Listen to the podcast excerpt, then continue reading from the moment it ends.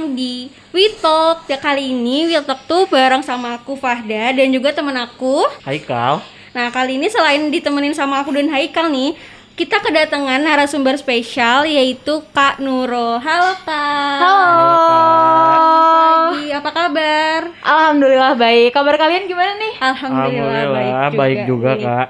Asik. Nih ya Kak, Kak Nurul ini adalah Iya. salah satu bagian dari kakak asuh di Setiabudi ya Kak. Iya, betul banget. Nah si kakak asuh Setiabudi ini tuh sebenarnya eh, nggak cuma di Setiabudi aja, setahu Hmm. aku tuh ada di berbagai beberapa daerah. daerah. Betul. Di Bandung, Di Bandung tuh ada dua ya Kak. Iya, kalau nggak salah ada enam ya. Eh, Ada maksudnya yang luar Bandung juga. Mm-mm, total kota kita tuh ada 6, terus eh, wilayah daerahnya tuh ada, ada 8. Oh, delapan. Wah keren Hmm. banget ya Kak. Betul. Nah sebelum ke inti pembicaraan nih, eh, aku tuh pengen tahu dulu nih. Kan ada pepatah nih yang mengatakan tak kenal maka tak sayang. Ada. Boleh nih Kak kenalin dulu diri kakak. Oke, hai semuanya. Selamat datang di We Talk. Kenalin nama aku Nurul, tapi di kakak asuh aku biasanya dipanggil Kak Cudo. Kak Cudo. Jadi kalian boleh deh panggil aku terserah mau Nurul, Cudo mau gitu. Cudo. Sudah banget. Iya. Nah, eh, kebetulan sekarang aku eh, sedang menjadi mahasiswa semester 6 yang lagi OTW ke semester 7 di salah satu kampus di Bandung yaitu di UPI. Nah, aku gabung di Kakasuh ini dari batch 3 alias dari tahun 2019 kayak gitu. Oh dari 2019 ya kak. Mm-mm. Aku tuh sebenarnya sebelum tahu ke semua kakak asuh ini tuh aku tuh sering banget ngeliat di eh, sosmed nih kak banyak banget Iya. tuibon-tuibon Betul. setiap tahunnya kak. Dan fun fact-nya ya, aku tuh sebenarnya sempet ikut, Tapi nggak cuman keterima. gak keterima. Ayo daftar lagi pokoknya tahun ini masih ada kesempatan. ada lagi ya kak? Iya, ada lagi dah. dong. Oke oke, Eh, aku juga pengen sedikit cerita nih tentang Iya. sejarahnya kakak asuh ya. boleh. Jadi uh, bisa dibilang kakak asuh ini tuh kan merupakan komunitas sosial yang bergeraknya itu di bidang pendidikan. Nah, uh, bisa dibilang komunitasnya itu masih bayi di bawah lima tahun lah. Soalnya kita tuh baru empat tahun kan, lahirnya tuh Baru tahun mulai gitu. Mm-mm, tahun 2018 waktu itu Udah pertamanya. lama dong. Lumayan tapi lah, nggak tapi terlalu kehitung lama loh kak. Ah, Iya, ah. hitung lama maksudnya. ya tapi masih bayi lah gitu kalau manusia mah gitu ya. Oh. Iya. Balita, balita. Mm-mm. Terus di tahun 2018 itu jadi ada empat founder namanya tuh Kak Yesa, Kak Fahri, Kak Aldo sama Kak Gina. Nah, jadi dari keempat mahasiswa ini mereka tuh kan domisilinya ada yang di Bandung sama di Bogor. Iya. Nah, eh, akhirnya Kakak Asuh berdirinya di Bandung sama Bogor dulu. Untuk awalnya. Awal. Ah, awalnya Oke. pada tahun 2018 ya. Di situ eh, mungkin kita juga belum hype banget lah Instagram ya, belum tuibon-tuibonan kayak Iya, gitu. iya, bener. Dan akhirnya pas di tahun berikutnya, pas 2019 itu langsung nambah jadi 6 kota, 8 daerah. Wah. Langsung keren, nambahnya mm-mm, banyak banget kan. Jadi aku sebutin ada Bandung Setiabudi, Bandung Iya. Jatinangor, terus ada Bogor Kota, Bogor Dramaga, ada Jakarta, Bekasi, Depok, sama Yogyakarta paling jauh. Oh, ada Nah, jadi ada delapan tuh kan. Delapan kota besar lagi. Iya. Heeh, benar. Nah, udah dari situ mulai rame tuh kan tuibon-tuibon. Iya. Itu tuh kalau nggak salah aku juga masih maba.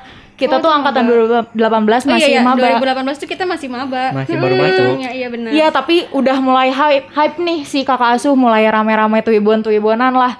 Nah, udah kayak gitu eh, mulai pada masuk-masuk, masuk eh, ke berbagai daerah. Kemudian di tahun berikutnya 2019 itu eh, kita apa ya semakin naik lagi followersnya kayak gitu di Instagram dan pas masuk di tahun 2020 emang sih kita tuh sedih banget ya karena eh, tiba-tiba ada pandemi, yang nggak bener. tahu Tapi- kapan akhirnya. betul heeh. tiba-tiba banget kan Iya. ngedadak gitu kayak tahu bulat terus udah gitu pas di tahun 2020 meskipun pandemi tapi si kakak asuh ini tuh gak mau diem alias gitu Masih tuh jalan gitu. ah, masih jalan dan justru berbadan resmi jadi yayasan Wah, jadi yayasan. Oh, yang, yang asalnya tuh komunitas kan. Komunitas, awalnya tuh Resmi komunitas. jadi yayasan. Wah, keren banget Dalam sih. berapa tahun sih berarti 8 sampai sekarang? Dari Lima- pas di lima tahun deh. ketiga Oh pas, di tahun, ketiga, udah jadi yayasan. Iya, Hmm. keren banget. Damn. Nah, udah dari yayasan itu akhirnya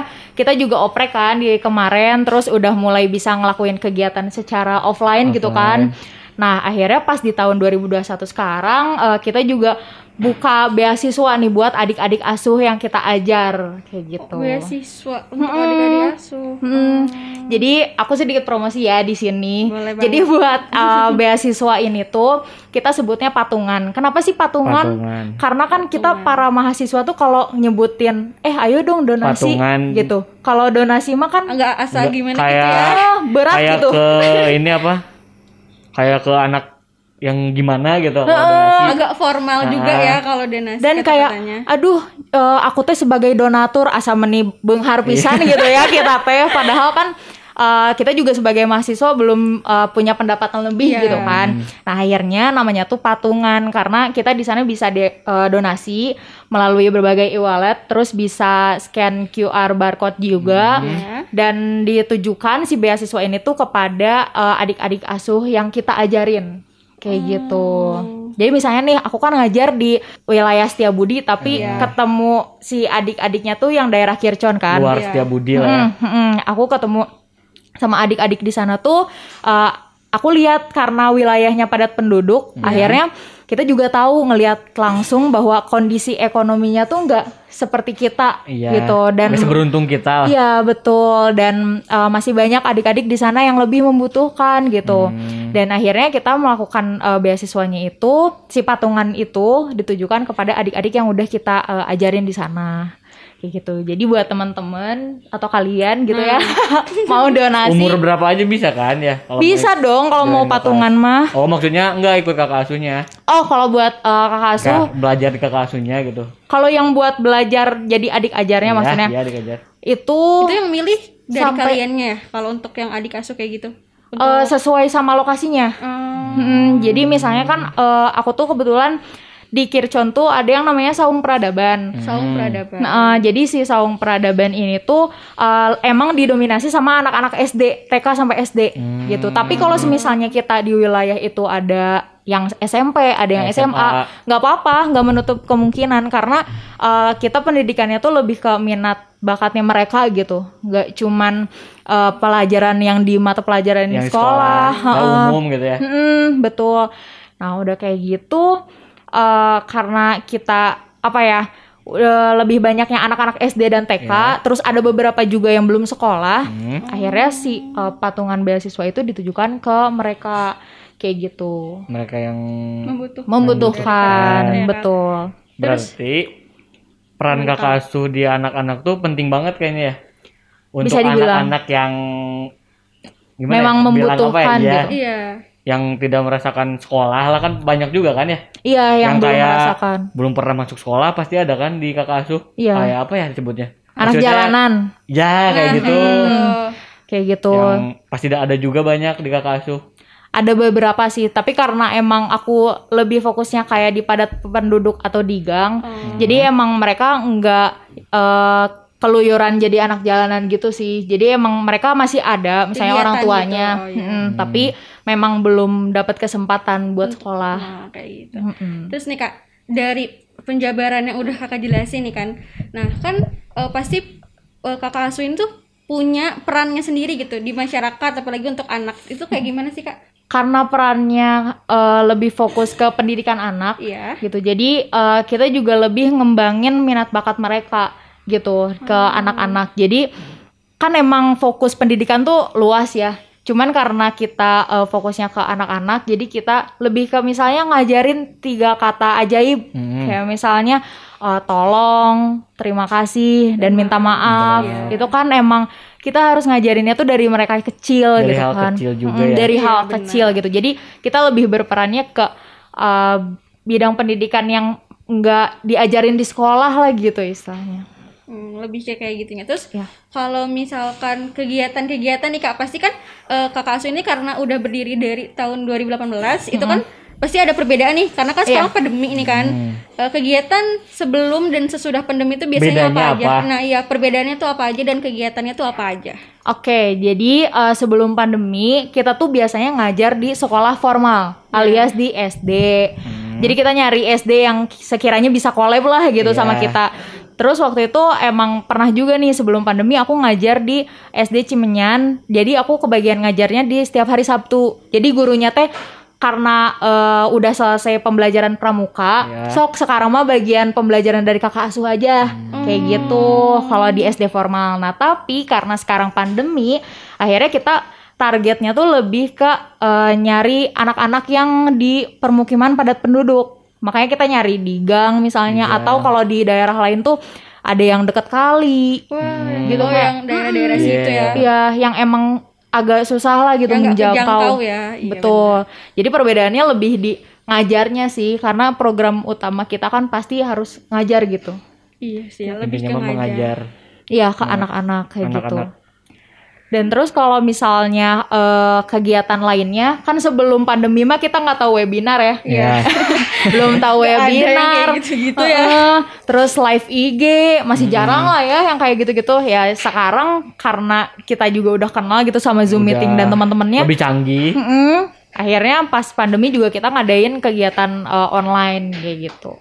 Oke. onlinenya via apa biasanya Biasanya paling sering sih via Zoom meeting. oh iya misal, misal kalau zoom meeting kan harus ada HP atau gadget apa gimana gitu-gitu. kalau anak-anak yang Gak ada Yang nggak punya fasilitas. nggak punya Ya, fasilitas Oke, jadi aku ceritain sedikit eh, pengajaran kita kalau misalnya ke adik-adik tuh kayak gimana. Kan semua kakak-kakak yang keterima di kakak asuh juga nggak domisili Bandung semua kan? Iya. Atau mungkin ada yang eh, nggak diizinin gitu buat Iya. ngajar offline. Iya. Nah akhirnya kita juga eh, ngasih kesempatan buat kakak-kakak yang pengen eh, ngajar online. Hmm. Nah karena memang kita juga tahu di sana juga agak sulit sinyal, terus Iya fasilitas juga fasilitas tidak mm, kurang memad- kurang memadai. memadai Akhirnya kita yang ngasih fasilitas itu ke mereka gitu. Hmm. Jadi kita kakak-kakaknya, yuk siapa yang bawa laptop, Oh, siapa jadi yang berarti itu ya. masuknya ke patungan juga kan Bisa. Iya, heeh, bisa bisa. dibilang masuk patungan juga kan Tapi Buat- kalau misalnya bawa bareng mah kita nggak patungan dulu kan, langsung we punya kita Iya, dibawa. maksudnya di- Inisiatif ya, Iya, inisiatif. Iya Hmm. betul kayak gitu. Oh, ngajarnya lebih ke kayak gitu. Mm, cuman emang nggak full online offline sih. Jadi ada juga sesi di mana kita yang kakak-kakaknya datang gue ngajar gitu. Tapi ada juga yang mix, ada yang online sama offline gitu.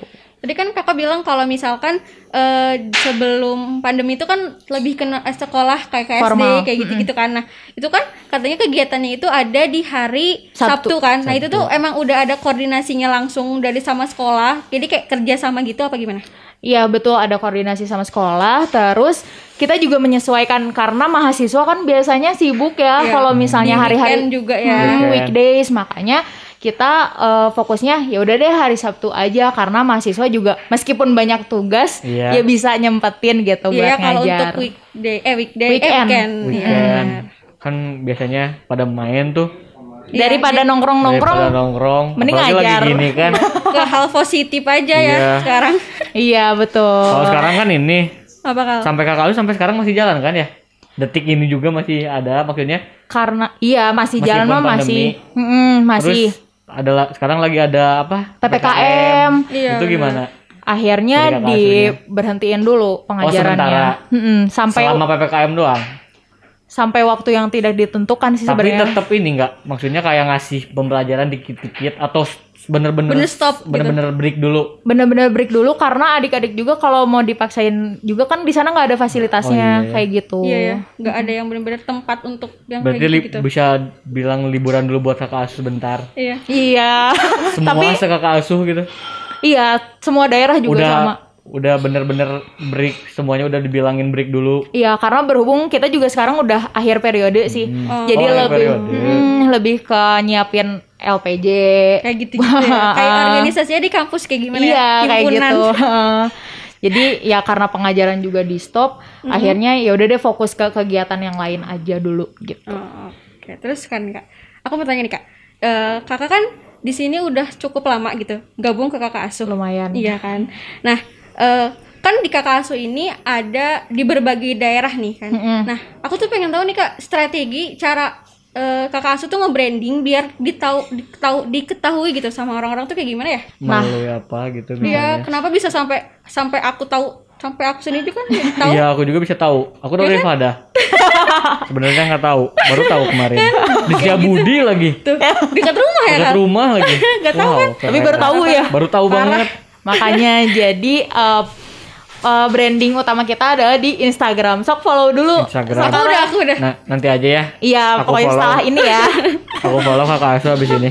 Oke, nah eh, jadi emang cara nge-branding utama kita tuh lewat Instagram dari Instagram. Mm, dari awal lahirnya Kakak Asuh tuh dari Instagram, terus emang pokoknya taktik brandingnya tuh bisaan lah gitu kan lewat Twibbon, terus Iya. harus nge-tag temen, Iya, bener. lima temen. Aku kayak gitu.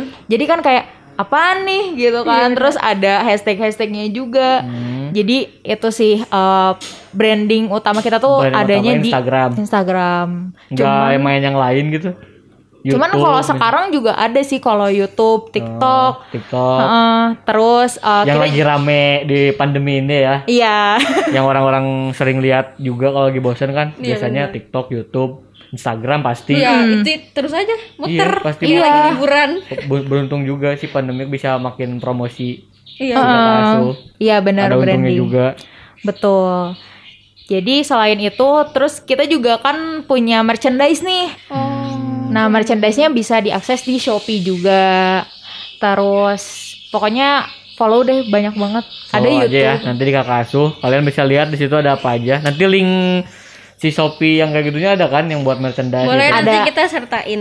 Oke. semua boleh. semuanya dari Kakak Asuh. Betul, betul, betul. Sama ini sih aku mau nanyain kayak rumah yatim gitu beda nggak sih? Lebih Ah. ke gimana kalau sama Oh rumah iya tuh, yatim? perbedaan- Ya kan? Aku ya. ngedenger kakak asuh pertama denger kayak aku kayak ini kayak apa? Kayak apa? Kayak rumah yatim gitu. Jadi Oh. anak yatim yang apa gitu. Yang mengasuh gitu Iya, ya. Asuh ya, dikirain ada kan kata-katanya asuh asuh. namanya. Sebenarnya sih eh, beda ya, tapi eh, daerah Bandung Setiabudi juga sempat ada niatan buat Hmm. ngajar lah di eh, rumah yatim gitu. Oh, yang kayak gitu-gitu. Hmm, Jadi cuman, collabs gitu. Collabs lagi.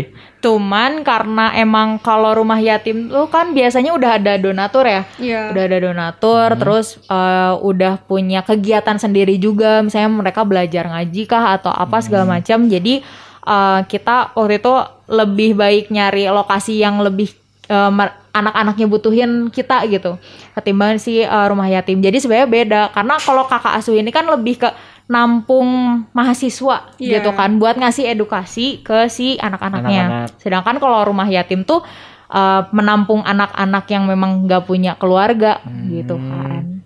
Tapi siapa tahu bisa kalau collabs keren tahu sama rumah Iya, yatim. Jadi rumah yatim ya. ngebahas kayak kehidupan si Kakak lebih ke pendidikannya. pendidikannya. Bisa bisa semoga Siapa ya. tahu ya rumah Doain yatim ya teman-teman. siap rumah yatim di mana pun atau bisa collab sama kakak asuh Barangkali gitu ya ada Iya. yang aduh lagi Ada yang nyari-nyari nih. ya bener. siapa tahu bisa bisa bisa bisa.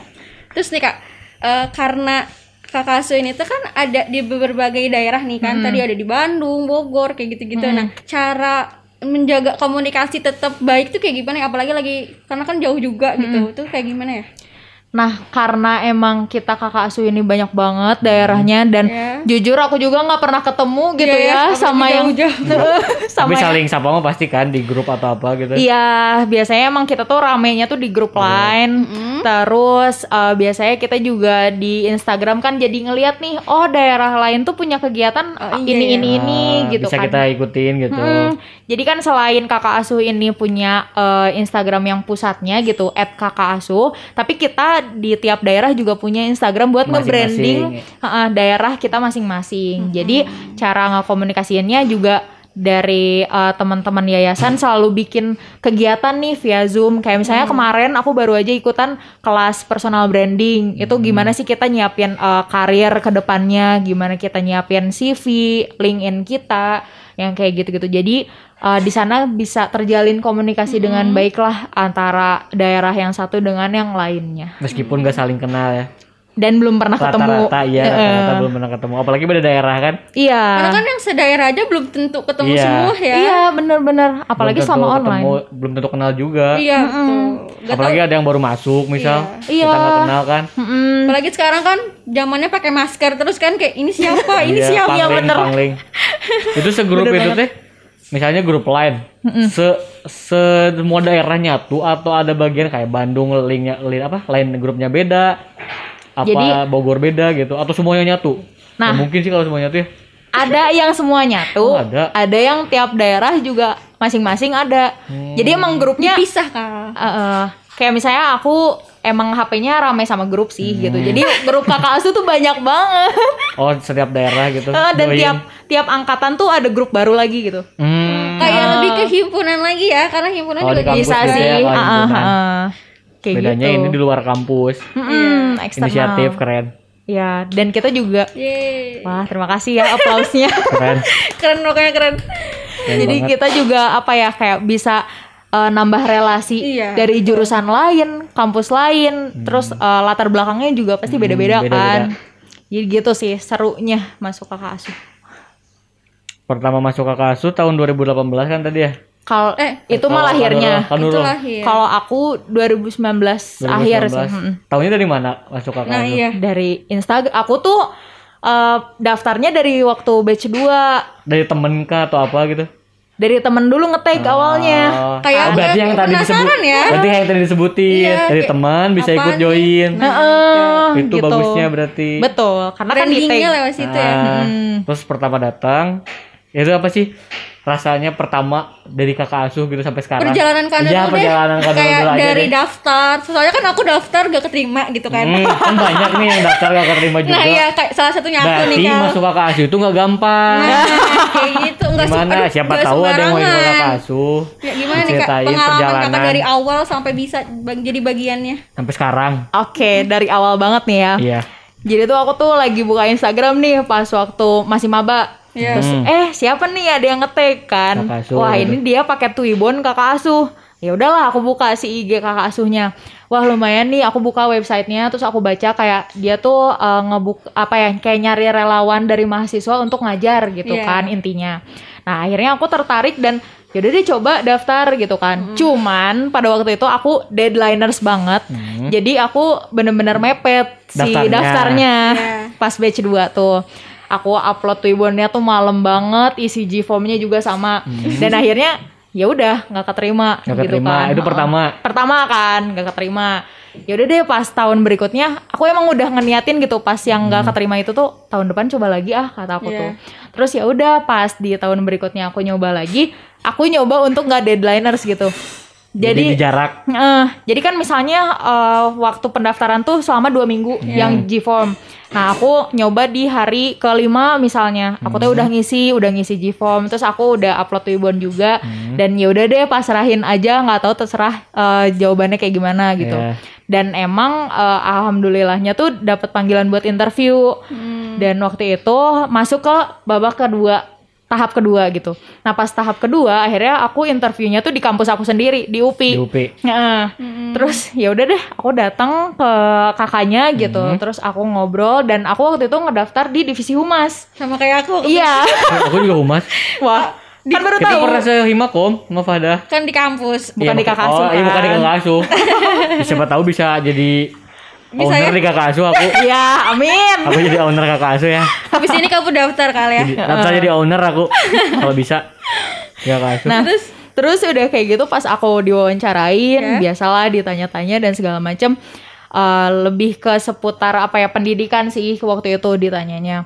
Nah akhirnya pas aku pulang, yaudah deh terserah gimana hasilnya. Pokoknya intinya Pasrah kuncinya juga. pasrah. Pasrah. Yang penting Pasrah. udah ngelakuin yang terbaik juga ya, udah usaha. Udah Iya, cobain betul. lagi juga. Mm-mm. Dan aku tuh emang si tipikal, aduh bosan ah kalau kalau di himpunan gitu, bosan internal gitu. Pengen nyari yang lain. Mm-mm. suka challenging kan anaknya, jadi ya udah nyari eksternal. Terus ya udah deh dapat pengumuman dan akhirnya keterima. Keterimanya tuh di divisi humas gitu kan. Terus ya udah pas di situ eh, ngejalanin, terus ngajar juga, terus rapat, kumpul dan segala macem. Kita kan nggak punya sekre ya. Iya. Jadi kita misalnya ngumpulnya di eh, sorry ya sebut merek kayak di KFC, Eat Boss, Bos. atau enggak abnormal. Ya yang kayak gitu-gitulah yang bisa kita pakai buat tempat nongkrong gitu Iya. kan. Akhirnya eh, kita tuh waktu itu makrab dulu sebelum ngajar. Makrab. Mm-mm, malam keakraban bareng sama eh, itu buat itu yang buat yang baru-baru. Iya buat yang baru-baru. Berarti kayak ini yang ya kayak himpunan sama Iya, ya. lebih kayak kayak Lebih kayak himpunan nih, tapi bedanya di luar. Iya, lebih kayak X bedanya ya. eksternal. Nah, terus di situ tuh kita makrabnya bareng teman-teman dari Bandung Jatinangor. Oh, jadi Hmm, disatuin. disatuin. Nah, karena kita sama-sama Bandung kan. Hmm. Jadi Biar lebih bisa- ada chemistry juga ya, walaupun beda gitu. Betul, terus jadi kenal juga Iya. sama mereka dan oh kalau humasnya di Jatinangor tuh kayak gini ya. Kalau misalnya di Setiabudi tuh kayak gini gitu. Dan akhirnya pas kenalan di Makrab akhirnya langsung fokus deh nyiapin buat ke pengajaran. Dan udah kayak gitu kenapa aku mau lanjut ke batch berikutnya? Karena kebetulan aku diamanahi sebagai wakil koordinator daerah. Gitu. Keren gini kan Nurul. Koordinator daerah maksudnya kayak daerah Setiabudi dipegang sama Konrul gitu. aku Atau wakilnya gimana? Dia wakilnya kan. Iya maksudnya kayak daerahnya daerah Bandung atau daerah daerah yang? Setiabudinya Daerah- daerah Setiabudi. Oh, kayak daerah Bandung wakil. enggak. enggak enggak enggak Keren. Tapi kayak gitu tuh pencapaian tau kan? Iyalah. Keren banget. Iya, Jadi humas, alhamdulillah. jadi daerah, wakil megang ya. daerah doang tuh udah pencapaian banget tau itu. Dari pertama gak keterima, iya gak keterima tiba-tiba jadi wakil. Bener. Siapa tahu kalian yang daftar jadi ketua. Iya kamu kan mau jadi owner iya, kan aku jadi owner nanti. iya Siapa tahu bisa. Bener-bener kayak usaha tuh nggak mengkhianati hasil, Hasil. ya. Betul. Bener-bener. Pokoknya harus usaha. Jadi hasilnya ada. iya betul Aku juga mau nanya nih, bedanya kakak asuh sama komunitas lain tuh apa? Yang mencirikan kakak asuh banget, Iya, ciri khas dari ciri kakak khas dari asuh. kakak asuh. Ciri khas banget yang kelihatan Iya. Sama tadi kan sama rumah yatim beda jelas. Ah, Berarti ini sama komunitas lain lah yang Tapi yang Kayak sama kakak juga asuh. gitu, iya. maksudnya gimana Geraknya ya? di bidang pendidikan kayak juga gitu ya. Tapi apa yang menjadi ciri khas kakak asuh di orang-orang gitu? Oke. Yang orang-orang tahu. ciri khas yang paling kelihatan banget kalau yang kalian lihat langsung dari aku apa Dari warna sih itu sih. warna ya warna. main cerang banget nih emang Merah. asuh Kayak Berani. kayak kayak partai, iya kayak baju partai. iya benar nah itu sih yang paling kelihatan banget karena emang bajunya kakak asuh tuh dari awal nggak pernah ganti warna merah ya. Mm-mm, selalu merah dari awal cuman yang ngebedain lagi lebih ke programnya Iya. itu karena kita di tahun ini punya eh, beasiswa yang namanya patungan Mm-mm. dan kayaknya komunitas lain tuh belum punya yang kayak kita dan itu sih menurut aku yang ngebedain antara kakak, kakak Kakak asuh sama, sama yang, yang lainnya jadi punya patungan kita buat beasiswa yang ditujukan ke adik asuh Hmm. Tapi siapa tahu komunitas lain juga bisa collab sama kakak asuh kan ya? bisa dong bisa Boleh Bisa banget ya. Hmm, bisa banget. Jadi- Kalau misalnya dari himpunan ada yang eh, apa kayak fokusnya di ngajar kayak gitu, Hmm. kita juga bisa studi banding kok, sharing-sharing gitu. Tuh buat teman-teman yang ada di himpunan ya, yang mau kan apalagi sekarang tuh pasti nyari apa sih kayak kegiatan ya. Kan kalau misalkan cuma webinar doang kayak gitu-gitu kan pasti bosan. Berarti Iya. kan ada study banding nih ya biar bisa saling juga gitu. Iya benar. Pandemik gak, gak ngehalangin kalian, Betul. bisa ngelakuin apa aja. Kayak kakak asuh contohnya sampai sekarang meskipun break dulu ya. Gara-gara break juga bukan gara-gara pandemik tapi Iya, gara-gara tapi PPKM-nya. Menurut Bakal. Kanurul, kepedulian tentang kepedulian itu gimana sih? Rasa Kepedulian kepedulian tuh itu kayak gimana? gimana menurut kakak gitu? Kepedulian tuh apalah gitu buat Hmm. kakak? Kalau misalnya aku sih simpelnya ya, Iya. aku tuh dilahirkan ke bumi pasti ada tujuannya. Iya. Ada maksudnya gitu. Kenapa aku dibuat gitu kan dan bisa lahir intinya. Iya. Nah, eh, setelah aku hidup udah sekian tahun gitu, aku ngerasa bahwa tujuan aku hidup di sini tuh ya buat ngebantu sesama manusia Mm-mm. gitu. Nah, gimana supaya kita bisa ngebantu sesama manusia itu? Ya kita harus punya rasa kepedulian. Nah, rasa kepedulian itu timbul dari eh, rasa empati. Nah, mungkin kita juga sering dengar ya kayak misalnya teman-teman kita yang punya musibah, Musibah. atau eh, misalnya contoh deh teman Kena kita musibah makanya bukan punya musibah. Iya, yang Bukan kena punya. Kalau punya lebih Agak kayak gimana? tiap Serem, hari serem. punya. yang sedang tertimpa Iya, yang musibah sedang gitu ya tertimpa maksudnya.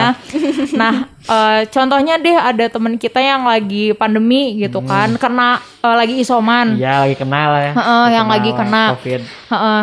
Ya kita apa ya kayak pengen ngasih support gitu ke Hmm. mereka minimal kita bisa eh, video call kayak nanya-nanya kabarnya dia apa aja sih yang lagi dia Hmm. Ngasih rasain makan mungkin lewat apa gitu, GoFood atau apa, hmm, bisa kan gitu.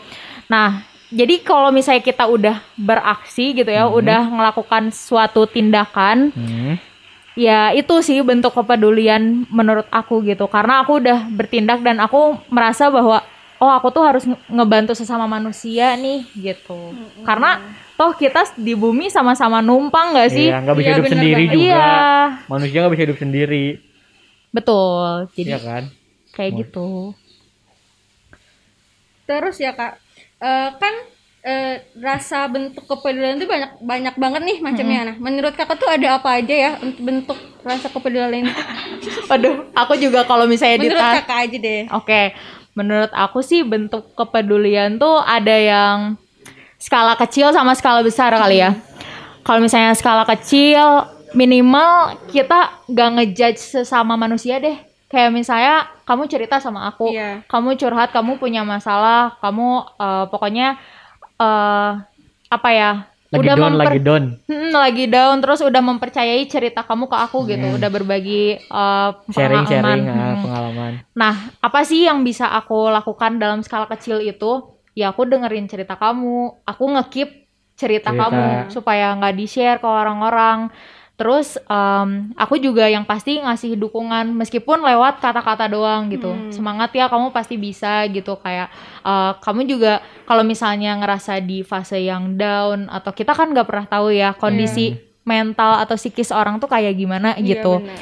Jadi uh, minimal aku nggak akan menghakimi masalah yang sedang dia lakuin karena setiap masalah tuh ya nggak ada yang besar atau kecil. Setiap manusia tuh pasti punya masalah pribadi masing-masing dengan uh, cara penanggulangannya tuh beda-beda juga gitu. Nggak bisa kita- samain, nggak bisa kita kotak-kotakin Mm-mm. Sama semua orang gitu. Masalah orang beda-beda. Kayak adu nasib gitu ya. Iya. Kadang ada aja nih yang misalkan aku lagi cerita nih, terus Iya. yang lawan cerita aku malah jadi adu nasib kan malah Iya. jadi aduh apa sih mending diem kan ya kalau kayak gitu. Iya, sebenarnya simpelnya hal kecil yang skala kecilnya aku bilang tadi kayak dengerin aja cerita temen kita gitu.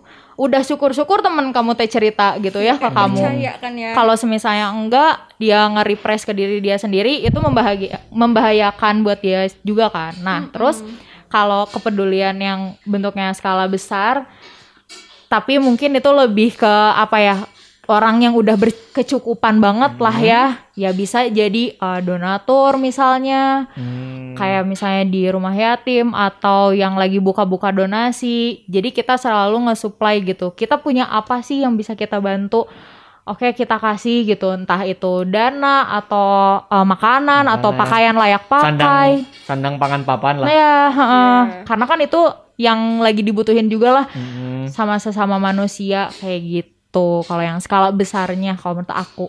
Menurut dulu lebih gitu. ke kayak gitu ya. Mm. Terus kak, eh, kan ini tuh berarti hampir aja nih, hampir sama gitu kayak himpunan organisasi gitulah ya untuk Iya. kakak asuh nih. Mm. Nah, kan pasti di setiap eh, organisasi itu ada aja masalahnya nih kan. Pasti Nah, dong. Ya kan pasti ada Pasti. aja ujiannya lah Iya. atau apalah itu. Nah, cara dari kakak asuh sendiri nih buat ngatasin masalahnya tuh kayak gimana ya?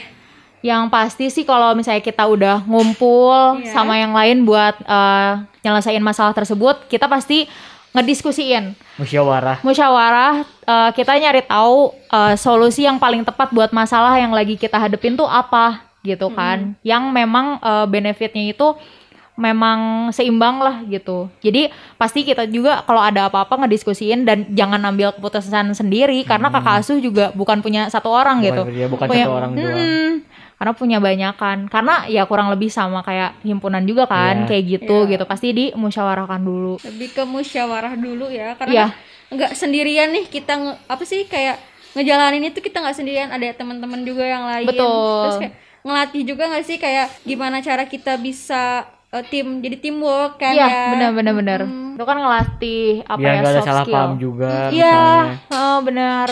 Supaya nggak ada miskom, Miskom gitu. iya miskom. kan itu miskom tuh kadang lebih fatal ya apalagi kan dengan kondisi kita tuh pasti agak jauhan juga gitu lagi Iya. lagi pandemi gini kan Heeh. Eh, kalau misalkan lewat chat tuh kadang kayak iya apa sih kok kayak gini padahal nggak Iya. maksudnya nggak kayak gitu kan Mhm. Menurut kakak tips and tricks buat anak orang-orang yang mau mulai kayak kakak asuh maksudnya dalam ya kayak kakak asuh gimana sih awalnya gitu biar bis- orangnya nggak pede misalnya takut gimana cara jalaninnya gitu Oke, nah kalau misalnya buat tips and triknya, ini memang menurut aku aja Iya, ya. menurut kakak aja menurut menurut kakak menurut jadi aku gitu Eh, tipsnya adalah eh, coba kita apa ya tanam prinsip di dalam otak kita sama hati kita bahwa kalau semisalnya kita kan tadi numpang gitu ya di Iya. muka bumi ini Mm.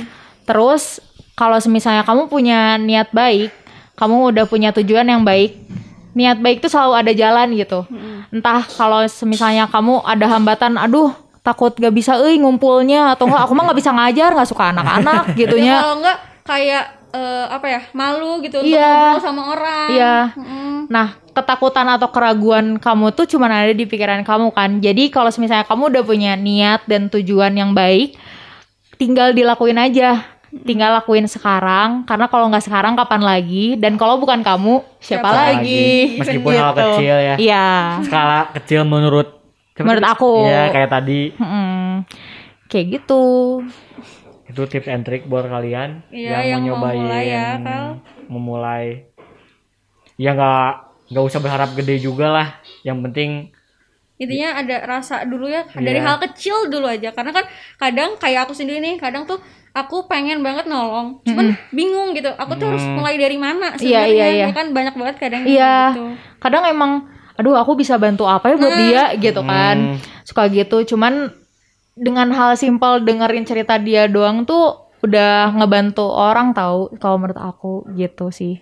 dengan tadi apa tiga kata kunci ajaib eh apa tadi Iya, tiga kata ajaib. tiga kata ajaib Ada tolong, makasih makasih dan, Dan maaf, gitu. Itu mah harus kunci diterapin banget. ya harus banget diterapin karena kadang sekarang sekarang tuh orang-orang tuh lupa sama cara minta tolong terus minta maaf dan bilang makasih kalau Iya. diapain ya Bahkan ya, coba deh aku tanya ke kalian. Kalian Gimana? pernah bilang makasih nggak sama nafas kalian? nggak pernah Aku sering. Oh, Jadi sering? tiap malam kalau misalkan udah ngelakuin aktivitas tuh aku bi- makasih sama diri aku sendiri.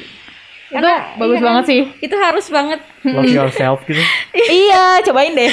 harus tahu kau karena Iya. biar kayak lebih kayak takutnya nih eh, kamu nih abis ngelakuin kegiatan terus kayak kamu tuh ngerasa apa yang lagi abis kamu lakuin tuh kurang gitu kan. Iya. Nah, jadi kamu tuh harus bisa ngehargain apa yang udah kamu lakuin. Bersyukur. Nah, itu harus sering-sering bersyukur banget sih. bersyukur dan ya kayak makasih gitu atas nafas yang udah aku Iya. hembusin masukin kekeluarin ya kalau misalnya nggak ada nafas aku mah nggak akan bisa hidup sih. Itu ya. kayak yang paling nemenin kita dari awal tapi nggak pernah kita apresiasi oh Iya. istilahnya gitu. Kita aja kadang ngerasa ih aku udah gawe hese-hese gitu ya. Tiba-tiba Sundanya mah ya. hmm, Sundanya mah gitu udah susah-susah. Eh gak dibilang makasih gitu kan. Jadi kayak hmm apresiasi ya udah mulai dari kecil aja dulu ke, ke diri sendiri. Ntar juga bisa terbiasa ke yang Lain, lainnya. apalagi lingkungan sekitar Oke. juga ya. betul. Nah, kira-kira nih udah ppkm beres kakak Asu mau bikin gebrakan apa nih? Wah apa ya? Saksikan terus aja di IG-nya ya. Nanti panteng aja. nantikan. Surprise surprise. Surprise dong. Surprise buat kalian. Makanya follow dulu. Iya. Di Instagramnya Asu. eh apa? At kakak Eh, apa Asu. namanya? Hmm, at kakak Asu. at kakak asuh oh kakak pakai kak. Kakak kakak Asu. ya Kalau untuk yang eh, Instagram dari Setia Budinya apa? Kak. at KA Setia Budi Oh, jadi Oh, KA. beda-beda. pakai dot atau gimana nulisnya kak Setia Budi doang Langsung aja KA Setia Budi. oh itu daerah Setia Budi Iya. Beda-beda kalau ya. daerah apa sih satu lagi Kalau Jogja- Kak Jatinangor Iya betul. Wow. Tuh, keren kalau tahu. Kalau Jogja KA Jogja. Oh, beda-beda Terus gitu. Depok, Bekasi dan lain-lain. Berarti Banyak nanti banget aja ya gebrakannya ditunggu Betul. aja. Siapa tahu makin Makin boom makin gitu ya. panjang terus sampai kapan pun. Amin. Panjang umur hal baik. Amin. Amin. Oh, nih terakhir Kak. Oke. Eh, menurut aku pengen tahu nih harapan kakak untuk di- kan kakak kan sekarang bergerak di bagian pendidikan kan. Nah, Hmm. harapan kakak tuh eh, untuk pendidikan di Indonesia tuh kayak gimana sih? Karena kita juga situasinya lagi online, lagi pandemi. Aku cuman berharap mungkin di sana juga banyak banget teman-teman yang lagi demo buat UKT misalnya ya. Ya tiap kampus. Iya, kalau misalnya lingkup kampus, kalau misalnya lingkup SD, SMP atau SMA, buat siapa pun mungkin yang belum disupport sama orang tuanya untuk mengejar cita-cita atau mimpinya, eh, kalian jangan pantang menyerah. Kalau semisalnya nggak punya teman untuk eh, ngedukung, di luar sana masih banyak teman-teman yang bisa ngedukung kalian Kalian. gitu.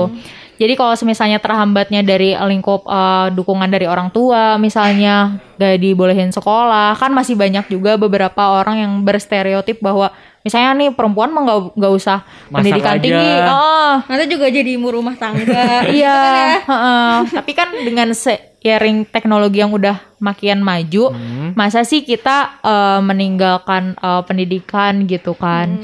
Nah tapi kalau misalnya untuk pendidikan Indonesia sendiri sih apa ya, nggak usah ribet-ribet deh. Mungkin bisa lebih mempermudah bantuan misalnya Iya, ya ke anak-anak yang memang sulit untuk sekolah atau misalnya yang daerah-daerahnya susah kejangkau, gak punya sinyal dan segala macam itu bisa di support lebih lah gitu sama pemerintah dan lebih difokuskan lagi karena mereka mah kalau misalnya mau dipaksain online juga nggak akan bisa Iya. gitu kan. Karena terhambat juga ya. Iya bener. Banyak hambatannya. Ya jadi buat pendidikan Indonesia sih eh, aku harap semuanya saling dukung entah itu bukan dari sisi guru aja tapi anak-anaknya, orang tuanya dan semuanya. Gitu. Amin. Semoga bisa lebih jadi baik ya. Amin. Berarti tuh kalian tungguin aja gebrakan dari kakak asuh. Jangan lupa follow Instagram sama cek ada YouTube ya kak? Ada, YouTube, ada juga. TikTok gitu ada. Ada at kakak asuh. Kakak asuh Pokoknya dicek terus ya. Oh YouTube. iya kak, karena kan tadi katanya eh, ba- akhir periode ya. Iya Berarti sekarang. kan bakal open dong, open lagi nih. Nah, Insya Allah. Kalau misalkan buat temen-temen nih yang siapa tahu abis nonton ini tuh langsung kayak, wah aku pengen nih ikut gitu kan. Menarik nih kayaknya. Ya kan, aku tuh mau lagi juga nih. Asik. Ayo yuk daftar pengen daftar. pengen semoga ya keterima. Amin. Rasanya kayak tadi kan sama aja. Caranya kayak gimana tuh kak? Caranya detailnya. eh, kalian bisa follow dulu at Instagram Instagramnya at kakak asuh terus di sana pasti bakal ada info opreknya tuh kapan. Tapi kalau misalnya dari eh, periode-periode lalu Hmm. eh, opreknya itu biasanya di bulan eh, November Akhir. Novemberan. akhir tahun pokoknya gitu. Jadi kalian persiapkan matang-matang. Terus teman-teman. pikirin juga nih kalian domisilinya di mana? Mau ngikutin domisili kampus atau tempat tinggal? Misalnya kamu kuliah eh, di Bandung tapi kamu rumahnya di Jogja misalnya. Hmm. tapi kamu lebih sering stay di Bandung ya udah kamu Mending ambil Bandung Bandung, ya. aja. Heeh, kayak gitu. Jadi dipikirin matang-matang terus cari tahu lagi lebih banyak kakak asuh itu apa. Ada websitenya ada Instagramnya dan lain-lain dan nanti kalau usahanya udah maksimal insya Allah lah hasilnya juga bakal maksimal Tapi kan tadi bilangnya apa yang di Jogja kuliah Jog apa kuliah orang Jogja kuliah di Bandung Hmm. dia dia pulang ke Jogja nih misalnya dia juga bisa ikutan yang di Jogja kan dengan seizin ketua daerahnya mah Hmm, bisa aja sih bisa. jadi bilang itu dulu gitu Balik lagi ya ke yang penting masing-masing masih kakak asuh kan ya Iya, betul. Jadi bilang dulu aja. Koordinasi intinya mah Hmm. gitu kayak nitipin. Cuman dulu jarang aja. sih kalau yang kayak Oh, gitu. Mm. Udah, kalian nanti tungguin aja ya di kakak asuh Jangan lupa pokoknya Jangan harus lupa ikutan. follow. Betul. siapa tahu kalian yang bisa bikin gebrakan selanjutnya Nah, bener banget. Ditunggu ya. ditunggu Karena kan pasti pada kreatif-kreatif kan. iya dong Betul. Pokoknya biar ngisi waktu luang juga nih ya daripada kita cuman scroll TikTok terus atau cuma nonton film doang, mending ke hal positif aja. iya Coba hal baru itu Iya. nggak Iya, akan hal baru nggak akan ngerugiin kok gitu. yang akan merugikan kalian juga Betul, Betul. banget. Oh, Kak, itu tadi kan eh, tentang yang open apa patungan itu ya, Nah, patungan.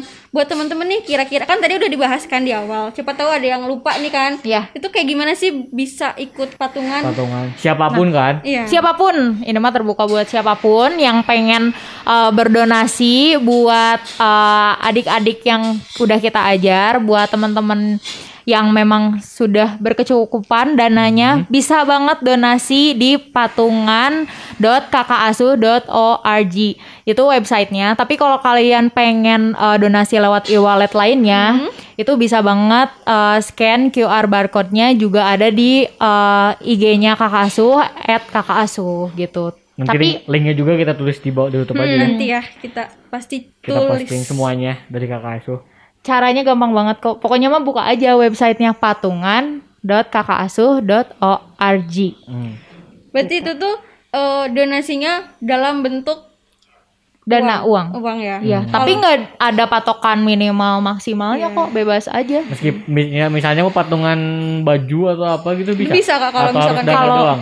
Kalau semisalnya yang buat patungan ini khusus buat uang Uang doang, doang. dana aja. Tapi kalau misalkan emang ada nih teman-teman yang pengen bisa kayak bantu-bantu lebih ke situnya tuh bisa nggak sih Iya kak? misalnya mau ngasih apa nih nggak sih? pakaian, sandang, pangan.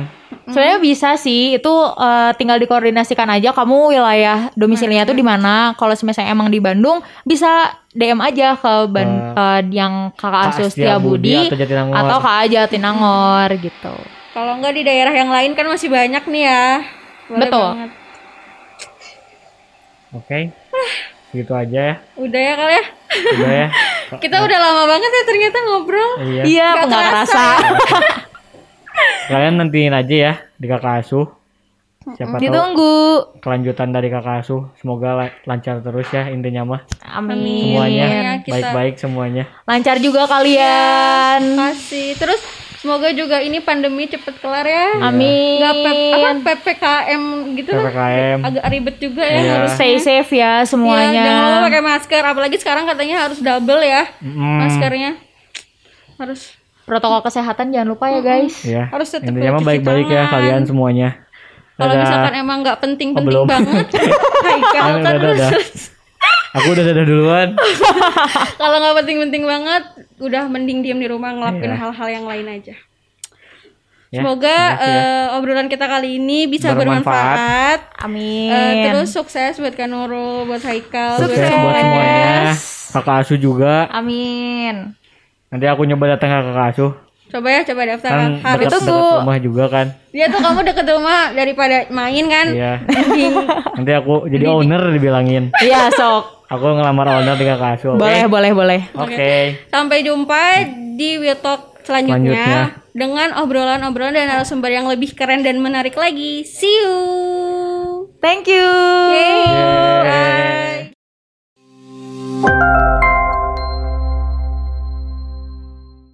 Halo teman Wito. Wito kali ini bareng Dava nih, yang bakal ngobrol sama narasumber yang berbeda. Kemarin di episode pertama, temen aku, Haikal dan Fada, udah ngobrol nih sama salah satu narasumber kita yang keren banget, yaitu Kak Nurul. Nah, Kak Nurul ini salah satu bagian dari organisasi yang bergerak di bidang sosial. Nah, di episode yang sekarang ini, Dava bakal ngobrol-ngobrol sama narasumber yang gak kalah kerennya dari episode yang pertama. Ada dosen ilmu komunikasi Universitas Universitas Pasundan Bandung. Halo Ibu, selamat pagi Halo, menjelang Bu. siang Ibu. Ya, Bagaimana kabarnya Ibu? Alhamdulillah sudah mulai membaik ya. Kita semua semoga masih tetap dilindungi Allah Subhanahu wa taala untuk tetap kuat gitu karena memang eh, pandemi ini belum berakhir. Jadi memang harus jaga imun itu betul gitu ya. Mangga. Ya, Silakan. Baik Bu. Nah, jadi kemarin kita udah wawancara sama narasumber kita nih Bu. Salah satu narasumber kita ini berasal dari salah satu organisasi Bu. Namanya Kakak Asuh. Hmm. yang Nah, sekarang iya. sudah menjadi yayasan. Oh, ya, yang sekarang ya. jadi yayasan nih Bu. Oke. Nah, sekarang dapat izin ya Bu ya, mau ngenalin Kakak Asuh itu gimana, ada videonya Bu. Izin ya Bu ya. Oke, silakan.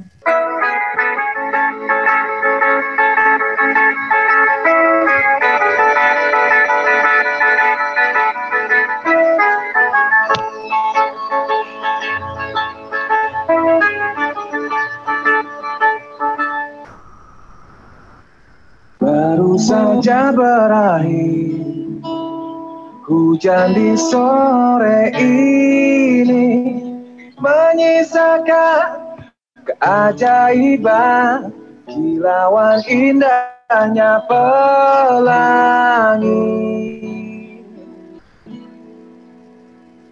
Tak pernah terlewatkan dan tetap mengaguminya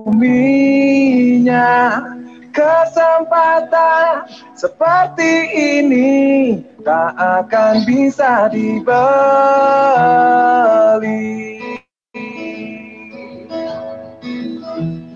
Bersamamu ku habiskan waktu senang bisa mengenal dirimu rasanya semua begitu sempurna sayang untuk mengakhirinya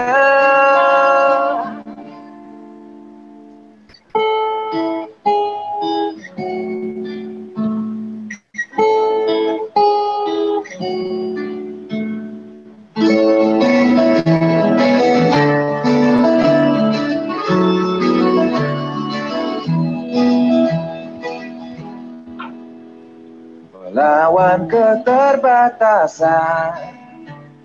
Walau sedikit kemungkinan Takkan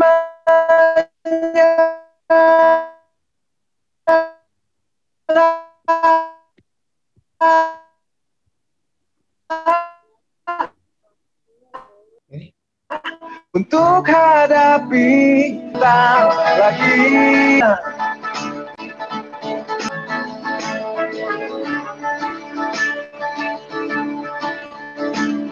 Bersamamu.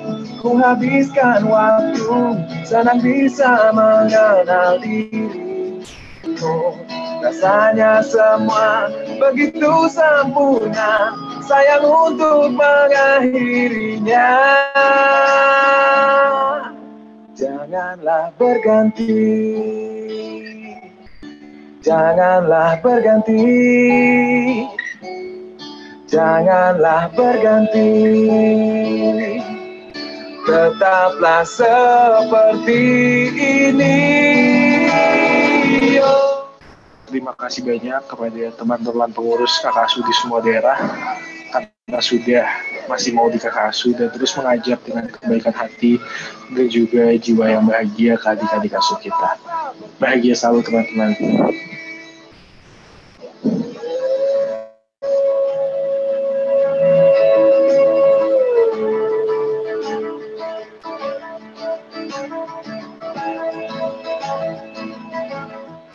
Terima kasih buat hati, tenaga, dan pikiran yang udah teman-teman kasih dari awal batch 1 sampai batch 3 sekarang. Terima kasih, semoga ini jadi ladang pahala dan berkat buat semuanya.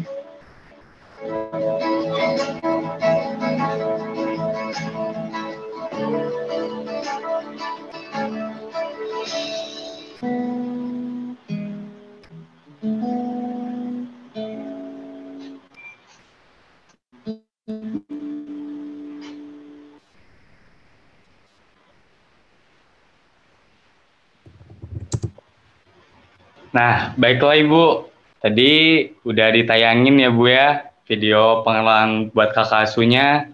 Nah, izin mau bertanya nih Bu. Kita mau tahu pendapat Ibu gimana sih Bu buat kegiatan yang dilakukan oleh organisasi kakak asuh ini Bu? Oke, Bu.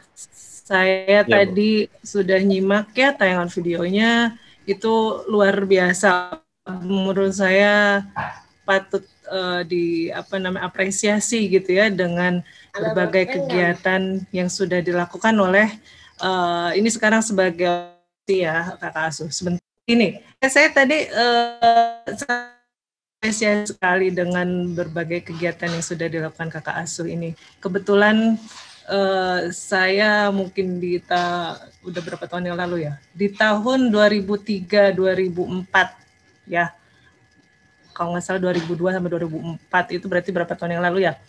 Eh, 16 tahun 17 tahun yang lalu lah. Itu saya umur berapa? Saya gabung di komunitas eh, LSM yang menangani masalah pekerja anak. Nah, di situ juga saya merasa terpanggil gitu ya, merasa terpanggil dan eh, ada di dalam wadah di mana saya harus punya kontribusi apa untuk bisa menyemangati para pekerja anak. Jadi sebetulnya prinsipnya adalah eh, bagaimana kita bisa se- sebentar ini nggak ada ini nanti bentar ya. Sabar.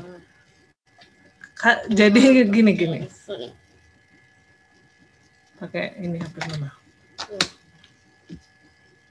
Eh, maaf maaf sekali ya jadi kepotong-potong Gak apa-apa, Bu. Gak apa-apa bu. Nah, Ya, ini saya sebentar ya skip dulu ya ini anak sayanya nggak bisa eh, apa di diam.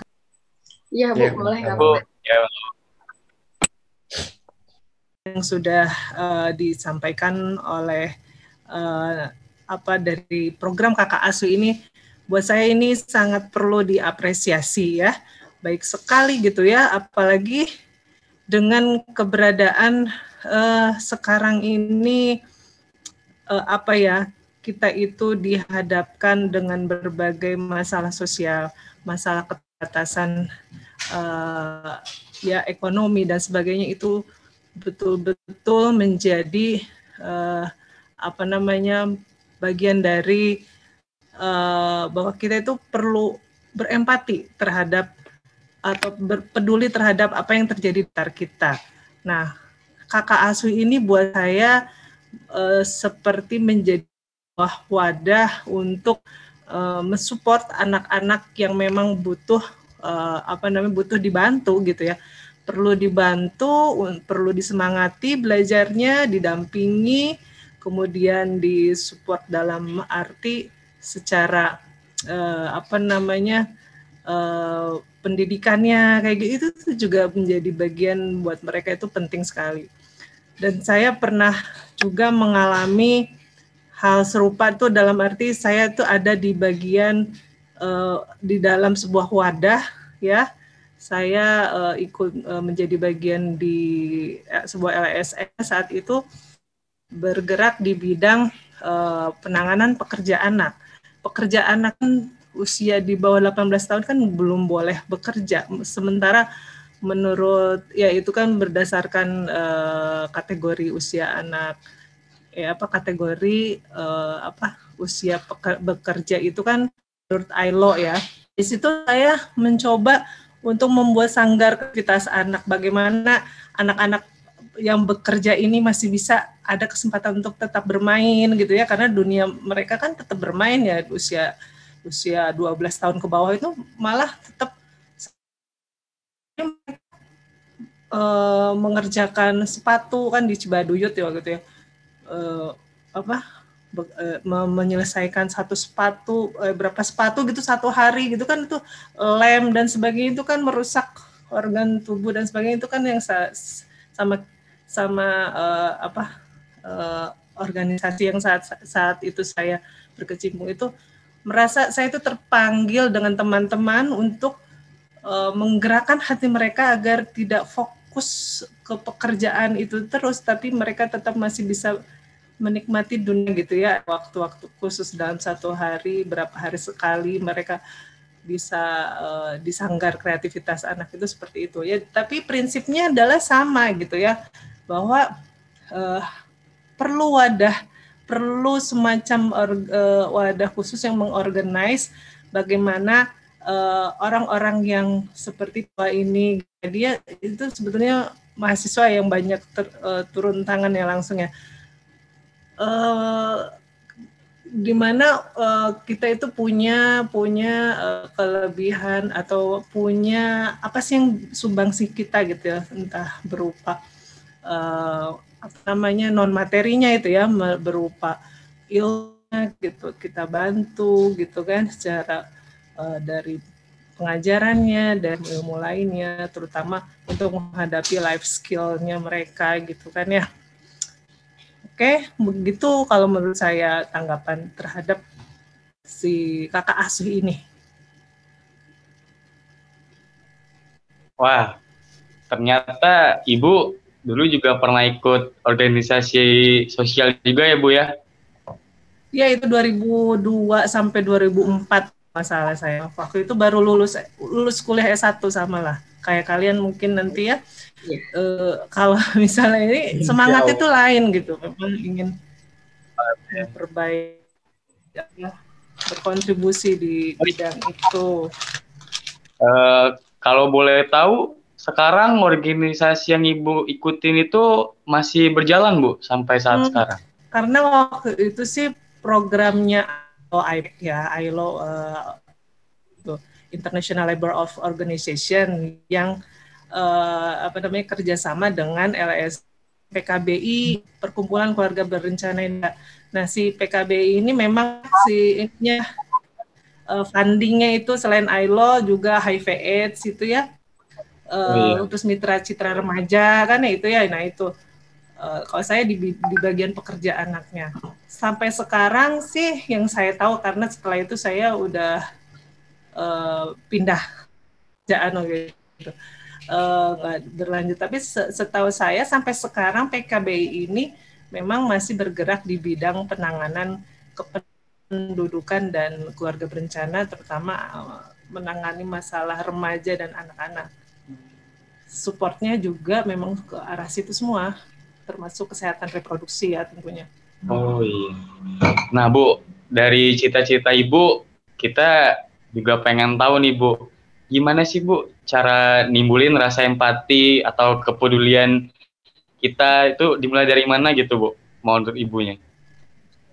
Oke, nah itu memang perlu apa ya semacam diasah atau diasah itu sebetulnya kepekaan kita terhadap sesama itu bisa dilatih sejak dini ya sejak dini dalam arti kita sejak anak-anak pun kalau terbiasa juga orang tua mendidik kita itu akan terbentuk dengan sendirinya.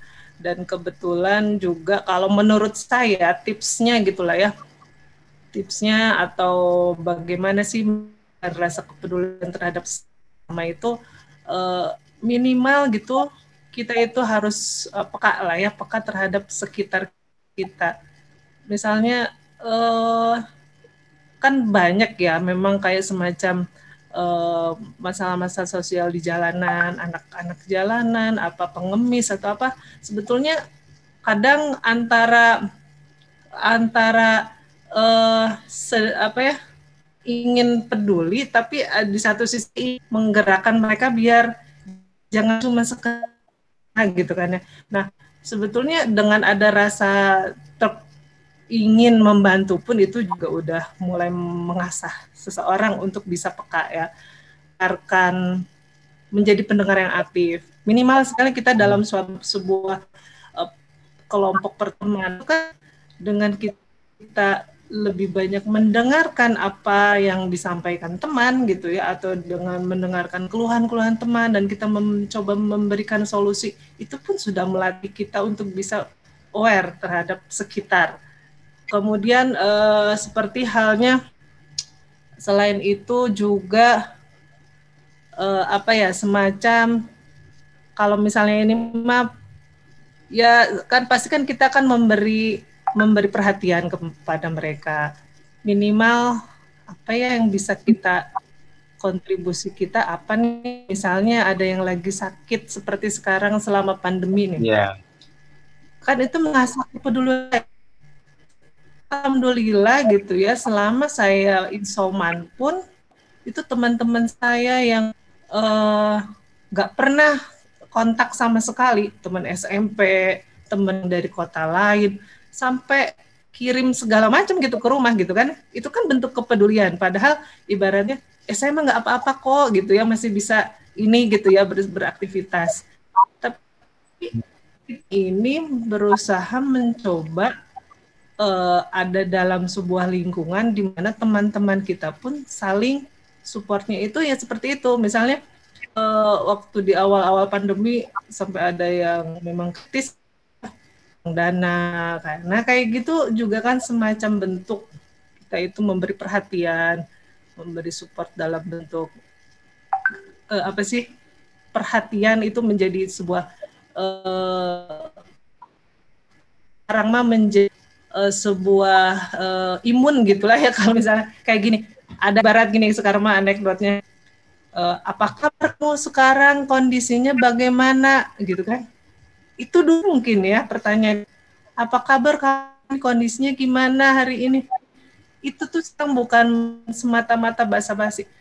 Menjadi apa? Dia ternyata care ya sama kita. Nah kayak gitu hmm. sebetulnya anak dari mulai anak-anak juga dibiasakan untuk uh, apa ya menyapa temannya bagaimana kabarnya. Tidak sekedar basa-basi ternyata itu adalah bentuk kepedulian juga gitu minimal dari situ Oh. Ya kayak gitu sih kalau menurut saya ya. Oh, ngerti. Dava Tapi Dava boleh nggak Bu balik lagi ke organisasi yang Ibu ikutin kemarin nih Bu? boleh, boleh. Nah, Dava penasaran itu kalau mau ikut organisasi itu ada syarat-syaratnya nggak sih Bu? Kayak harus apa gitu? Harus pendidikan Iya. apa? Kalau yang di LSM itu biasanya memang uh, minimal D3 ya. S1 itu waktu itu memang ada ke uh, apa ya semacam grade-nya itu yang harus lulusan. Dari kalau fisip itu biasanya biasanya dibutuhkan. Apalagi KS kayak gitu ya kesejahteraan sosial. Terus uh, apa sih kebetulan saya dulu dari antropologi kan. Memang membutuhkan uh, kriteria kriteria khusus, tapi minimal dari lulusan FISIP itu ada S1.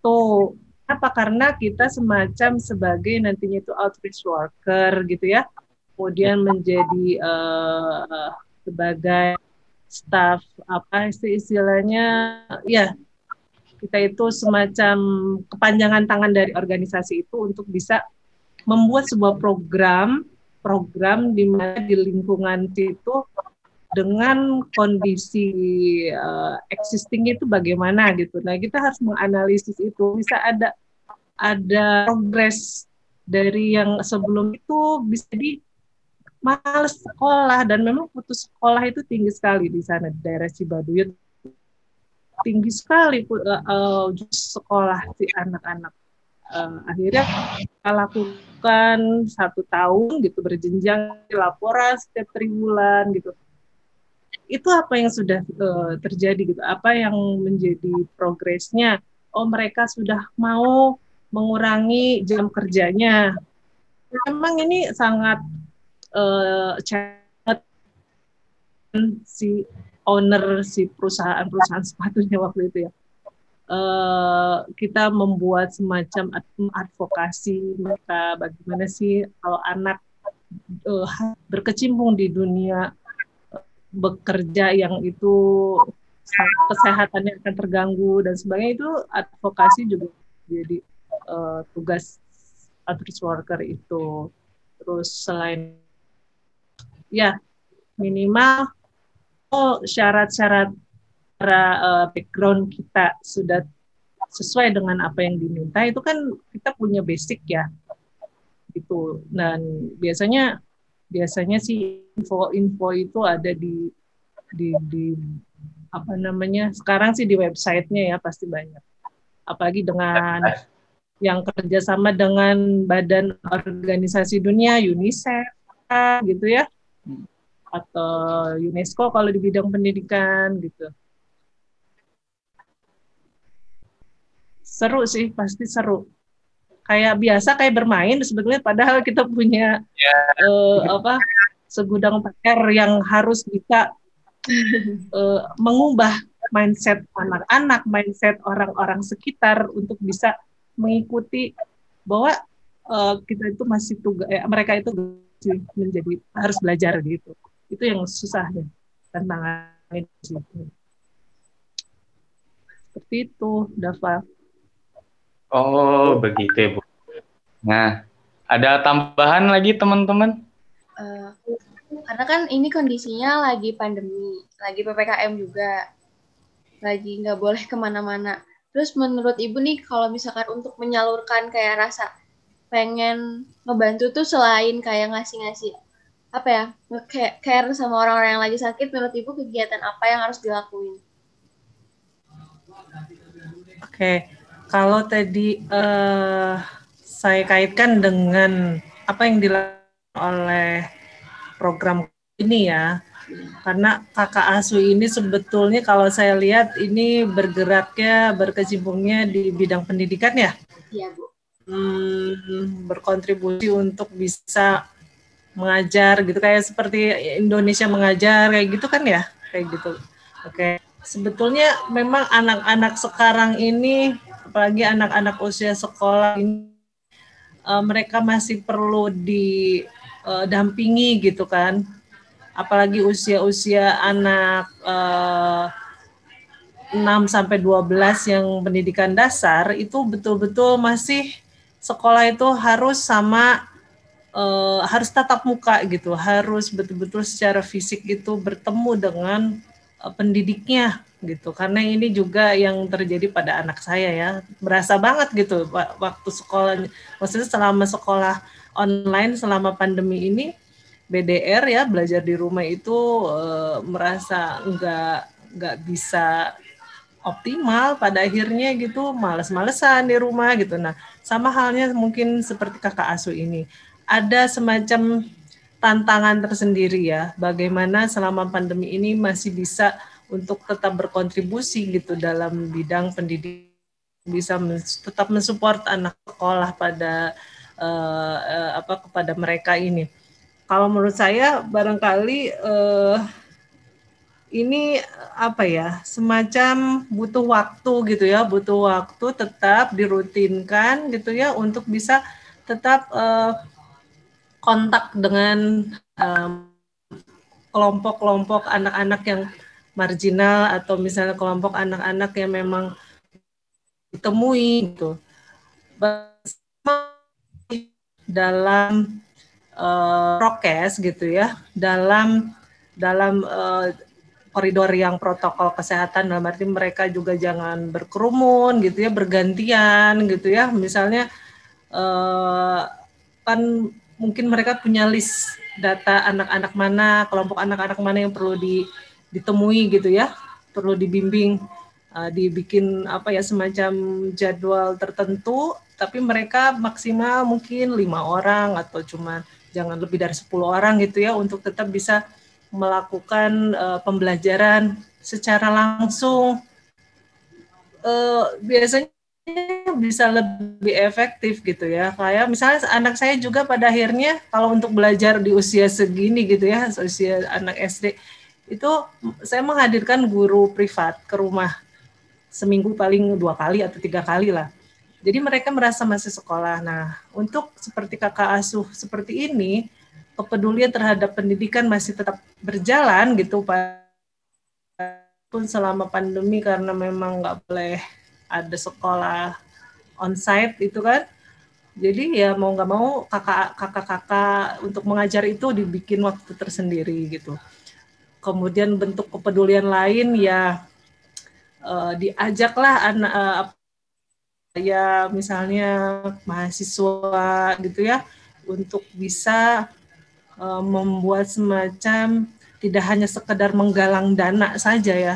Karena kan materi mah insya Allah bisa dengan sendirinya bisa dikumpulkan.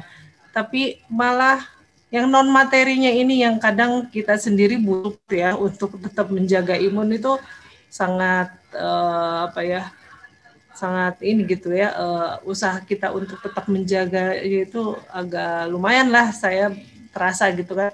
Nah uh, mahasiswa ini juga uh, udah mah tetap harus uh, kuliah gitu ya.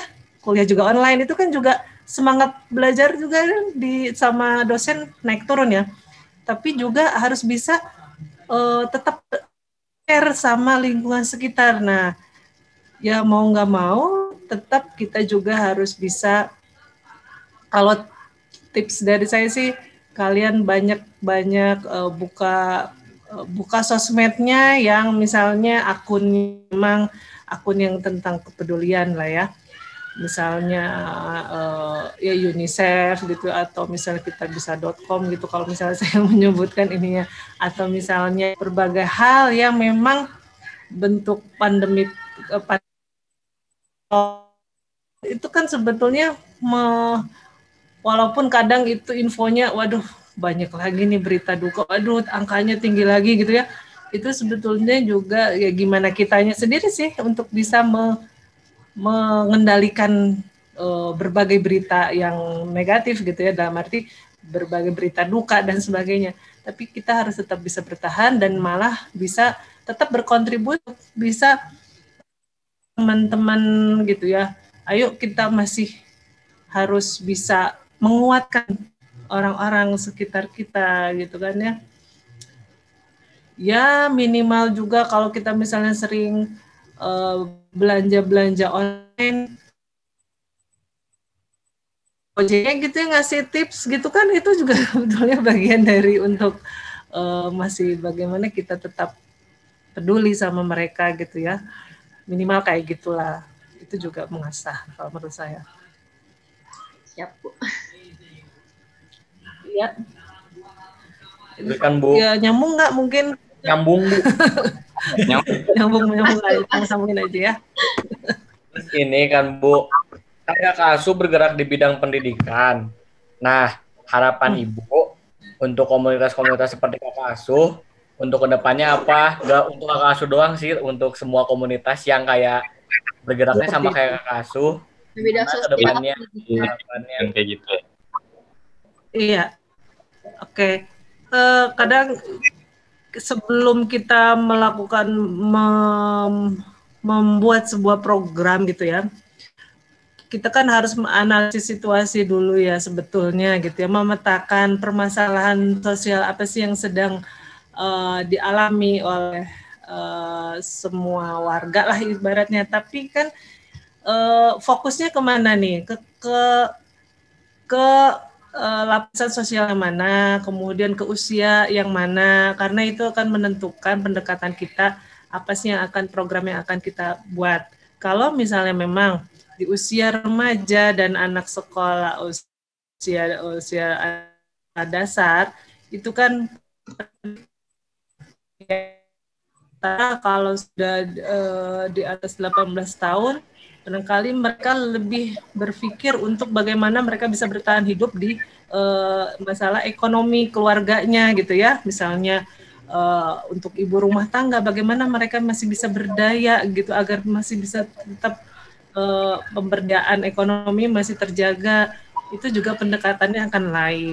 Nah, jadi uh, butuh kita lihat dulu ya analisis situasinya seperti apa pemetaan social mappingnya ya. Social mapping itu harus seperti apa sehingga kita akan bisa menentukan program yang pas gitu ya.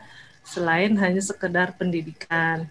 Nah, kalau misalnya nih anak-anak usia sekolah dasar tapi wilayahnya bukan di wilayah perkotaan, misalnya di uh, wilayah yang uh, daerahnya di sana uh, lebih banyak apa ya di daerah bukan urban tapi di di rural ya rural society di pedesaan tentu akan lain karakteristiknya yang pendekatan yang akan kita lakukan. Di di pedesaan itu mereka anak-anak masih masih apa ya cara berpikir dan cara uh, dalam kehidupan sehari-harinya masih tetap uh, melakukan kegiatan outing kan ya masih tetap ber, bermain secara bebas gitu di udara terbuka. Beda halnya dengan anak-anak urban. Yang mereka udah ppkm ini ya udah we di rumah iya. main game Iya. game online mar katanya ya. Beda makanya pendekatannya akan lain. Pendidikan yang diarahkan pun uh, tentu uh, kalau menurut saya gitu ya pendidikan itu manfaat lewat sosmed kalau dia uh, untuk anak-anak perkotaan menurut saya ya pendidikannya itu di di diselapkan atau di apa namanya diisi di Diseling. ini anak saya kayak misalnya nontonnya tuh di, linknya tuh di youtuber youtuber youtuber yang gay tuh oh. itu sehari bisa berapa jam nonton itu tapi dengan kata-kata dan semua apa yang diucap oleh si YouTube ini itu tuh banget ke anak-anak. Mempengaruhi. Anak-anak. Iya banget gitu ya. Jadi pendidikannya itu kalau menurut saya baiknya sih kayaknya masukin aja dititipin aja ke para youtuber itu biar bisa me, mem, apa namanya mempersuasi anak-anak usia SD yang sedang ppkm belajar di rumah nih. Kan libur nih kan apalagi lagi libur. Ah nah tapi kalau pendekatan ke anak-anak yang di rural society mereka masih menggunakan aktivitas fisik gitu ya bermain masih cuek gitu mau mau ada ppkm mau enggak enggak di rumah masih aja main gitu ya. Kalau saya lihat sih karena memang ponakan saya masih tetap aja biasa gitu main di sana di luar gitu ya. Uh, mungkin tentu pendekatan secara pendidikan ini pendidikan tidak harus formal kan ya pendidikan uh, uh, soft skillnya itu yang perlu diperhatikan.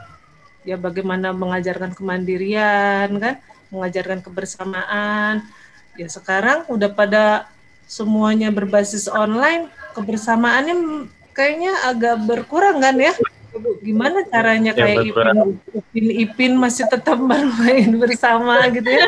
Kan akan beda gitu. Anak-anak sekarang tuh eh, kebersamaannya cuma bisa dilihat dari mabarnya itu.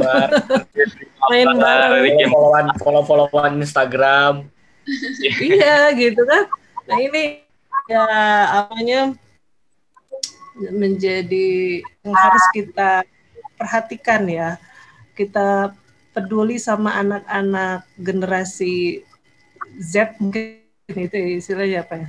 Generasi Z gimana? Terbatas serba terbaca pandemi ini. Gitu Haikal ya. Dafa, Fahda. Ya, gimana teman-teman? Udah cukup atau ada yang mau tanyain lagi sama ibu? Udah aku udah sih. Udah keren. Udah? Udah.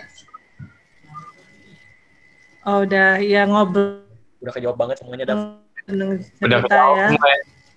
Banyak banget bu pengalaman yang kita dapet dari cerita-cerita ibu. Iya. Bermanfaat banget bu. Mhm. Iya, minimal eh, bagaimana kita tetap bisa menjaga eh, pikiran lah ya. Iya. Pikiran dan kepedulian itu kan sebetulnya bagaimana kita Positif bisa thinking. positive thinking dan memang harus banyak eh, melihat ke bawah gitu ya. Melihat ke bawah itu dalam arti orang masih banyak yang perlu dibantu gitu kan. Nah, Kita nggak selamanya merasa cukup dan ternyata eh, di luar sana itu masih banyak yang serba kekurangan. Itu sih menurut saya ya. Harus lebih Banyak yang berjuang buat hidup. banyak yang berjuang ya. Ya, tuh sekarang perpanjangan PPKM kasihan ya mau Ya. katanya kerugiannya sampai 5 triliun dan sebagainya mau memphk kan berapa ratus karyawannya ribu malah ya. Itu Iya, juga perlu dipikir pemerintah itu berat sih memang. Ya, Wah, semua bisa dikendalikan. Pandemi mah nggak akan berakhir menurut saya ya, tapi bagaimana bisa Bu. dikendalikan. ya bisa dikendalikan. Cara mengatasi gitu. gitu. Gitu menurut saya. keren. Oh, baiklah. Makasih bu. PP-nya lancar ya. Amin Ibu, makasih. Amin ibu. Makasih juga ibu udah mau Kerja waktu ibu. lancar. Ya, ya sama-sama. Eh, karena kan ini kondisinya lagi pandemi, lagi PPKM juga, lagi nggak boleh ke mana-mana. Terus menurut Ibu nih, kalau misalkan untuk menyalurkan kayak rasa pengen ngebantu tuh selain kayak ngasih-ngasih apa ya, care sama orang-orang yang lagi sakit, menurut Ibu kegiatan apa yang harus dilakuin? Oke, kalau tadi eh, saya kaitkan dengan apa yang dilakukan oleh program ini ya, karena kakak asuh ini sebetulnya kalau saya lihat ini bergeraknya berkecimpungnya di bidang pendidikan ya, Iya Bu. Hmm, berkontribusi untuk bisa mengajar gitu kayak seperti Indonesia mengajar kayak gitu kan ya, kayak gitu. Oke, sebetulnya memang anak-anak sekarang ini, apalagi anak-anak usia sekolah ini, eh, mereka masih perlu didampingi gitu kan. Apalagi usia-usia anak eh, 6 sampai 12 yang pendidikan dasar itu betul-betul masih sekolah itu harus sama eh, harus tatap muka gitu, harus betul-betul secara fisik itu bertemu dengan eh, pendidiknya gitu. Karena ini juga yang terjadi pada anak saya ya. Berasa banget gitu wa- waktu sekolah maksudnya selama sekolah online selama pandemi ini BDR ya belajar di rumah itu eh, merasa nggak nggak bisa optimal pada akhirnya gitu males-malesan di rumah gitu nah sama halnya mungkin seperti kakak asuh ini ada semacam tantangan tersendiri ya. Bagaimana selama pandemi ini masih bisa untuk tetap berkontribusi gitu dalam bidang pendidikan bisa tetap mensupport anak sekolah pada uh, uh, apa kepada mereka ini. Kalau menurut saya barangkali uh, ini apa ya semacam butuh waktu gitu ya butuh waktu tetap dirutinkan gitu ya untuk bisa tetap uh, kontak dengan kelompok-kelompok anak-anak yang marginal atau misalnya kelompok anak-anak yang memang ditemui gitu.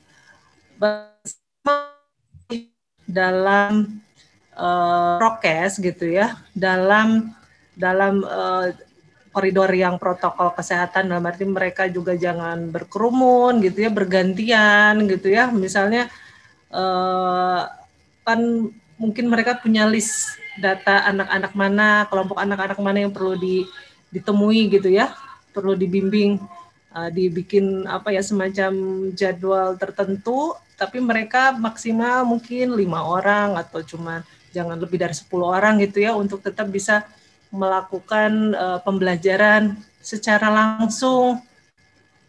Uh, biasanya bisa lebih efektif gitu ya. Kayak misalnya anak saya juga pada akhirnya kalau untuk belajar di usia segini gitu ya, usia anak SD itu saya menghadirkan guru privat ke rumah seminggu paling dua kali atau tiga kali lah. Jadi mereka merasa masih sekolah. Nah, untuk seperti kakak asuh seperti ini, kepedulian terhadap pendidikan masih tetap berjalan gitu, Pak. Pun selama pandemi karena memang nggak boleh ada sekolah onsite itu kan jadi ya mau nggak mau kakak kakak-kakak untuk mengajar itu dibikin waktu tersendiri gitu kemudian bentuk kepedulian lain ya uh, diajaklah anak uh, ya misalnya mahasiswa gitu ya untuk bisa uh, membuat semacam tidak hanya sekedar menggalang dana saja ya. Karena kan materi mah insya Allah bisa dengan sendirinya bisa dikumpulkan. Tapi malah yang non materinya ini yang kadang kita sendiri butuh ya untuk tetap menjaga imun itu sangat uh, apa ya sangat ini gitu ya uh, usaha kita untuk tetap menjaga itu agak lumayan lah saya terasa gitu kan. Nah uh, mahasiswa ini juga uh, udah mah tetap harus uh, kuliah gitu ya. Kuliah juga online itu kan juga semangat belajar juga di sama dosen naik turun ya. Tapi juga harus bisa uh, tetap care sama lingkungan sekitar. Nah ya mau nggak mau tetap kita juga harus bisa kalau tips dari saya sih kalian banyak banyak uh, buka buka sosmednya yang misalnya akun memang akun yang tentang kepedulian lah ya. Misalnya uh, ya UNICEF gitu atau misalnya kita bisa .com gitu kalau misalnya saya menyebutkan ininya. Atau misalnya berbagai hal yang memang bentuk pandemi itu kan sebetulnya me, walaupun kadang itu infonya waduh banyak lagi nih berita duka, aduh angkanya tinggi lagi gitu ya. Itu sebetulnya juga ya gimana kitanya sendiri sih untuk bisa me, mengendalikan uh, berbagai berita yang negatif gitu ya dalam arti berbagai berita duka dan sebagainya. Tapi kita harus tetap bisa bertahan dan malah bisa tetap berkontribusi bisa teman-teman gitu ya. Ayo kita masih harus bisa menguatkan orang-orang sekitar kita gitu kan ya. Ya minimal juga kalau kita misalnya sering eh, belanja-belanja online ojeknya gitu ya ngasih tips gitu kan itu juga sebetulnya bagian dari untuk uh, masih bagaimana kita tetap peduli sama mereka gitu ya minimal kayak gitulah itu juga mengasah kalau menurut saya siap bu ya Berikan Bu. ya nyambung nggak mungkin Nyambung Bu. nyambung nyambung aja sambungin aja ya Ini kan Bu, saya Kasu bergerak di bidang pendidikan.